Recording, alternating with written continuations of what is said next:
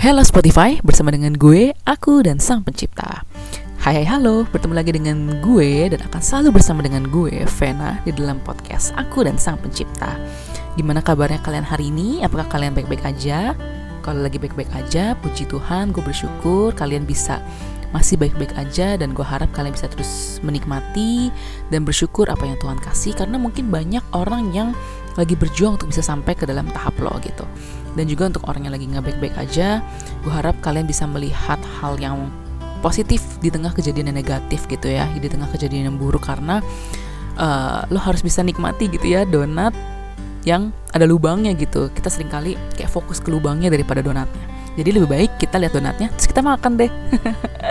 Oke oke. Okay, Um, tema kita hari ini adalah mengikhlaskan apa yang harus diikhlaskan gitu ya. Dan ikhlas ini udah pernah banget dan sering banget ya gue bahas di dalam podcast gue karena gue kayak seneng banget ngebahas soal ikhlas kan ikhlas itu susah ya. Ikhlas itu adalah sebuah PR gitu ya buat orang-orang yang harus melepaskan seseorang gitu. Dan gue cukup terbeban untuk membantu orang-orang yang sekarang ini mungkin lagi kesulitan untuk mengikhlaskan seseorang atau melepaskan seseorang. Gue tahu mengikhlaskan itu nggak bisa dibantu sama orang, tapi itu semua lahir dari hati lo yang pengen bangkit, yang pengen benar-benar melepaskan orang itu. Cuman mungkin ada beberapa pengertian-pengertian, ada beberapa tindakan-tindakan yang mungkin masih lo lakuin dan hal itu salah gitu dan gue sempat pernah bahas gitu ya ikhlas itu nggak nggak bukan cuman apa ya kayak cetikan tangan gitu ya terus bisa langsung ikhlas nggak begitu. Tapi ikhlas itu adalah sebuah perjalanan dan adalah sebuah apa ya sebuah misi di dalam kehidupan kita. Jadi ikhlas itu bukan tujuan tapi ikhlas adalah sebuah perjalanan kehidupan. Dan terkadang ya di dalam kehidupan dan di dalam perjalanan kita menjalankan ikhlas itu sendiri kita sering melakukan tindakan-tindakan atau perbuatan-perbuatan yang sebenarnya kurang penting gitu ya. Kita menyimpan butiran-butiran kecil di dalam lubuk hati kita dan butiran-butiran kecil itu adalah kenangan. Kenangan yang kayaknya simple tapi kayaknya itu adalah hal yang fatal dan cukup gak penting gitu ya. Apa tuh misalkan? Contoh kayak chat history. Oke, okay, chat history ini uh, sangat bermanfaat gitu ya buat mantan-mantan yang lagi uh, kangen gitu ya sama mantannya dan ini adalah chat history ini adalah sebuah butiran-butiran yang yang nggak penting lagi buat lo sebenarnya. Tapi lo gitu uh, chat yang nggak pernah berhenti selama setahun dua tahun gitu ya tiba-tiba harus terhenti sekarang dan gue harus hapus ih gue nggak rela banget gitu. Tapi um, itu harus dihapus loh. Gue serius nih ini harus dihapus. Karena nanti Tuhan yang hapus. Jadi gini ya uh, dalam perjalanan ikhlas ini gue juga uh, gak mengandalkan diri gue sendiri gue udah pernah ngomong juga di podcast gue yang sebelumnya bahwa Tuhan pun juga nggak lepas tangan dari perjalanan gue yang satu ini. Yaitu uh, gue gue mau cerita nih ya. Jadi uh, di bulan Mei 2019 ini gue memutuskan untuk berpisah sama teman gue. Ini teman gue yang lain ya dari teman gue yang kemarin gue pernah ceritain. Ini adalah teman yang cukup baik dan ya gue memutuskan untuk berpisah karena memang kurang cocok aja gitu dan teman gue ini ya pernah kasih barang-barang yang memang gue butuhkan kayak jedai, earphone dan lain-lain lah. Yang gue inget itu doang sih. Dan um, seperti secara tidak langsung di bulan Juni atau Juli gue waktu itu lagi ke kampus dan gue taruh earphone gue di atas jaket tiba-tiba hilang gitu ya. Gue ke toilet sebentar dan itu hilang. Dan itu benar-benar gak ada jejak kayak gue tanya sama cleaning service gue tanya sama temen gue mereka nggak ada yang lihat gue juga cari-cari di lantai juga nggak ada yang lihat. Itu benar-benar hilang jejak. Dan yang kedua adalah jedai di situ gue lagi di gereja dan gue lepas jedai itu gue ngapain gue lupa dan itu hilang. Benar-benar hilang tanpa jejak gue tanya sama siapa pun gak ada yang ngaku gitu. Karena masalahnya aneh juga nggak ada nggak bakal ada yang mau nyuri gitu. Itu jeda itu udah agak butek dan ya udah agak kepatah dikit gitu ya. Dan uh, sama earphone gue juga udah agak butek gitu ya. Kalian tahu kan earphone putih kalau sering dipakai jadi kuning gitu jadi kayak jelek banget gitu. Nah itu sama gitu kayak itu. Dan gue di situ berpikir bahwa Tuhan seperti berkata sama gue masa lalu adalah masa lalu. Ikhlaskanlah apa yang harus diikhlaskan gitu. Seperti kayak Tuhan akhirnya mau nggak mau menarik barang-barang itu sehingga gue bisa bener-bener ikhlas gitu. Karena gini ya mungkin barang-barang itu bisa menjadi faktor faktor di mana gue bisa nostalgia tapi nostalgia ini secara buruk ya. Karena ketika gue melihat barang itu gue bisa aja nostalgia dan gue mengingat lagi dan gue jadi sedih dan gue jadi apalah segala macem dan itu dampaknya bisa gede banget gitu. Dan gue juga dan gue juga yakin sih kalau misalkan kalian yang nyimpen nyimpen barang mantan nih sampai sampai hari ini gitu ya dan kalian uh, melihat barang itu pasti ada ada memorinya sendiri gitu. Ketika kalian melihat barang itu pasti ada artinya sendiri. Dan gue yakin itu akan membuat akan memunculkan suatu definisi atau arti tersendiri buat kalian yang mungkin indah atau sedih atau gimana. Gue juga nggak tahu. Tapi itulah yang Tuhan lakukan gitu ya buat gue. Dan barang itu hilang sekejap. Dan juga belakangan ini uh, ini baru banget gitu ya. Makanya gue buat podcast ini karena gue bener-bener tersadarkan semuanya adalah pekerjaan tangan Tuhan gitu. Di karena gini ya, beberapa hari yang lalu gue ganti handphone karena handphone gue itu udah full memory jadi gue harus ganti HP. HP gue yang dulu itu 32 GB. Dan sekarang HP gue yang sekarang ini 256 GB gitu ya. Ya, gue bangga dulu nih.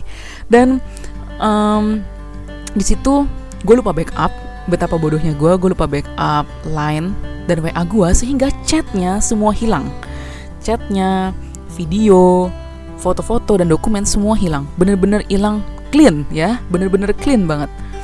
Di situ gue berusaha untuk mau backup lagi tapi nggak bisa. Karena email gue gue lupa uh, apa ya gue lupa backup lewat G Drive juga gitu. Jadi bener-bener hilang 100% di situ gue campur aduk karena ada banyak kenangan uh, chat bersama dengan sahabat gue yang dulu yang baru-baru ini. Dan di situ gue sedih gitu karena ya hilang semua. Meskipun foto-foto gue masih simpen sih cuman kan kayak video-video gitu kan karena berhubung memori gue do yang dulu itu juga sedikit makanya gue simpen di line gitu. Nggak gue simpen semua. Dan akhirnya tuh hilang gitu ya di telan bumi. Dan gue cukup sedih dan ya di situlah gue akhirnya sadar bahwa Tuhan kembali bilang ikhlaskanlah apa yang harus diikhlaskan lepaskanlah apa yang harus dilepaskan. Karena itu semua adalah pinjaman gitu ya. Dan gue benar-benar sadarkan ya itulah cara Tuhan untuk gue benar-benar bisa mengikhlaskan seseorang gitu. Dan di sini kita bisa melihat ya bahwa sebenarnya mengikhlaskan itu bukan cuma sekedar melepaskan tapi mengembalikan. Di dalam kehidupan kita di dalam dunia ini semuanya milik Tuhan. Kekayaan posisi jabatan kalian semua eh, orang-orang uh, yang kalian cintai gitu ya orang tua sahabat pacar dan sebagainya itu semua milik Tuhan. Tapi itu dipinjamin ke kita jadi ibarat Tuhan kayak pinjemin lah orang tua untuk kita sehingga orang tua itu bisa mendidik kita, mengayomi kita. Tuhan pinjemin kita rekan kerja supaya kita bisa saling bekerja sama, supaya kita bisa saling curhat sama mereka. Atau Tuhan kasih kita pacar untuk akhirnya bisa uh, mensupport kita dan bisa membuat kita menjadi pribadi yang lebih utuh gitu. Dan di sini gue melihat ya mengikhlaskan itu pada akhirnya adalah mengembalikan orang itu ke dalam tangan Tuhan meskipun ya meskipun orang itu uh, orang itu udah dapet lagi pacar baru misalkan. Mantan lo udah dapet cowok baru mantan lo udah dapet cewek baru atau sahabat lo udah dapet teman baru ya udah gitu. Tapi pada akhirnya mengikhlaskan itu adalah kita mengembalikan mereka semua ke dalam tangan Tuhan. Karena mereka adalah milik Tuhan gitu. Dan ini cukup uh, membuat apa ya pikiran gue terbuka banget sih. Dan ini jauh lebih apa jauh lebih apa ya jauh lebih legowo gak sih di dalam hati daripada gue harus mengembalikan kayak gue harus melepaskan dia ke tangan orang lain? Itu kayak jauh lebih sakit ya. Tapi kalau misalkan kita punya mindset di mana lo mengikhlaskan dia yaitu lo mengembalikan dia ke dalam tangan Tuhan itu kayak ya udah memang dia punya Tuhan gitu. Kayak kita udah bukan lagi haknya gitu. Itu jauh lebih bisa menyembuhkan hati lo sekarang sih. Dan gue mau kasih ilustrasi. Jadi suatu hari ada seorang bapak dan anaknya lagi jalan-jalan di taman dan bapak itu melihat anak itu uh, pegang boneka dan boneka itu udah cukup usang, udah butek gitu ya kayak head, kayak earphone gue yang tadi gitu ya udah kuning-kuning dan jahitannya udah keluar-keluar, kapasnya juga udah entah ke mana gitu ya. Dan um, bapak itu tanya sama anak itu, kamu sayang ya sama boneka itu? Dan anak itu bilang, iya sayang banget karena boneka ini kan papa yang kasih ke aku udah dari kecil, makanya ini adalah boneka kesayangan aku.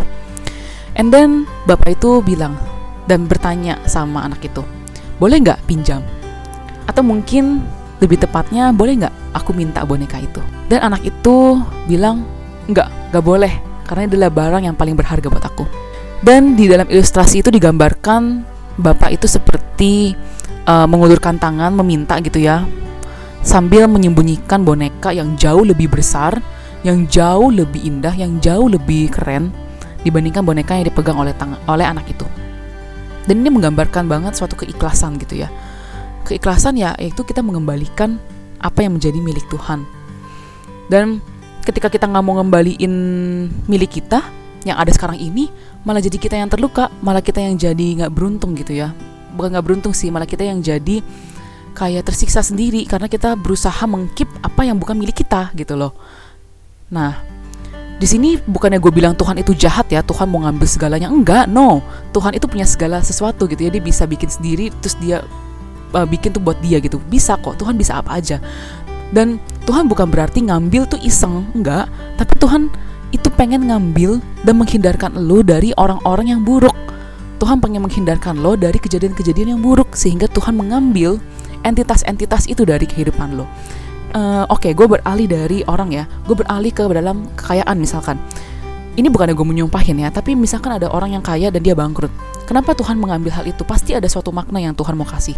Contohnya Tuhan mengambil kekayaan orang itu karena orang itu terlalu meng apa ya terlalu mendambah-dambakan uang kehidupannya senternya pasti uang gitu. Dan tuh dan Tuhan tahu ke depannya nih kalau misalkan nih orang terus mendambah-dambakan uang dia bisa menjadi koruptor dia bisa suap orang sembarangan dan segala macamnya dan berdampak kepada hal-hal yang lebih buruk. Makanya Tuhan ambil kekayaannya supaya dia bisa belajar bahwa kekayaan bukanlah satu-satunya kehidupan. Dan juga ini juga mengajarkan kepada kita juga gitu loh. Hal yang orang-orang yang Tuhan ambil dalam kehidupan kita itu adalah suatu hal yang baik sebenarnya buat kita karena Tuhan menghindarkan hal-hal yang buruk itu. Tuhan kayak menghindarkan sampah dari kehidupan kita. Ini secara kasarnya ya, secara gamblangnya kayak gitu. So ya balikin aja apa yang bukan hak lo gitu kepada Tuhan. Pasti Tuhan akan kasih kok pengganti yang jauh lebih baik, yang jauh lebih oke okay, dan jauh lebih besar gitu. Uh, karena sama kayak ilustrasi yang tadi, ya Tuhan mau ngambil itu karena Tuhan pengen kasih yang jauh lebih baik jadi kita jangan khawatir gitu jangan khawatir. Karena terkadang gini ya kalau misalkan kita tuh kita tuh nggak mau ngelepasin nggak mau mengikhlaskan karena kita takut kita nggak bakal dapat lagi yang kayak gitu. No no no no no. Pada kenyataannya adalah ketika kita mau mengikhlaskan kita ketika kita mau melepaskan kita akan dapat jauh lebih baik daripada yang ada sekarang. Karena Tuhan nggak pernah mengambil hal itu uh, secara cuma-cuma gitu. Tuhan pasti akan kasih hal yang jauh lebih baik dan jauh lebih berguna dalam kehidupan kita gitu.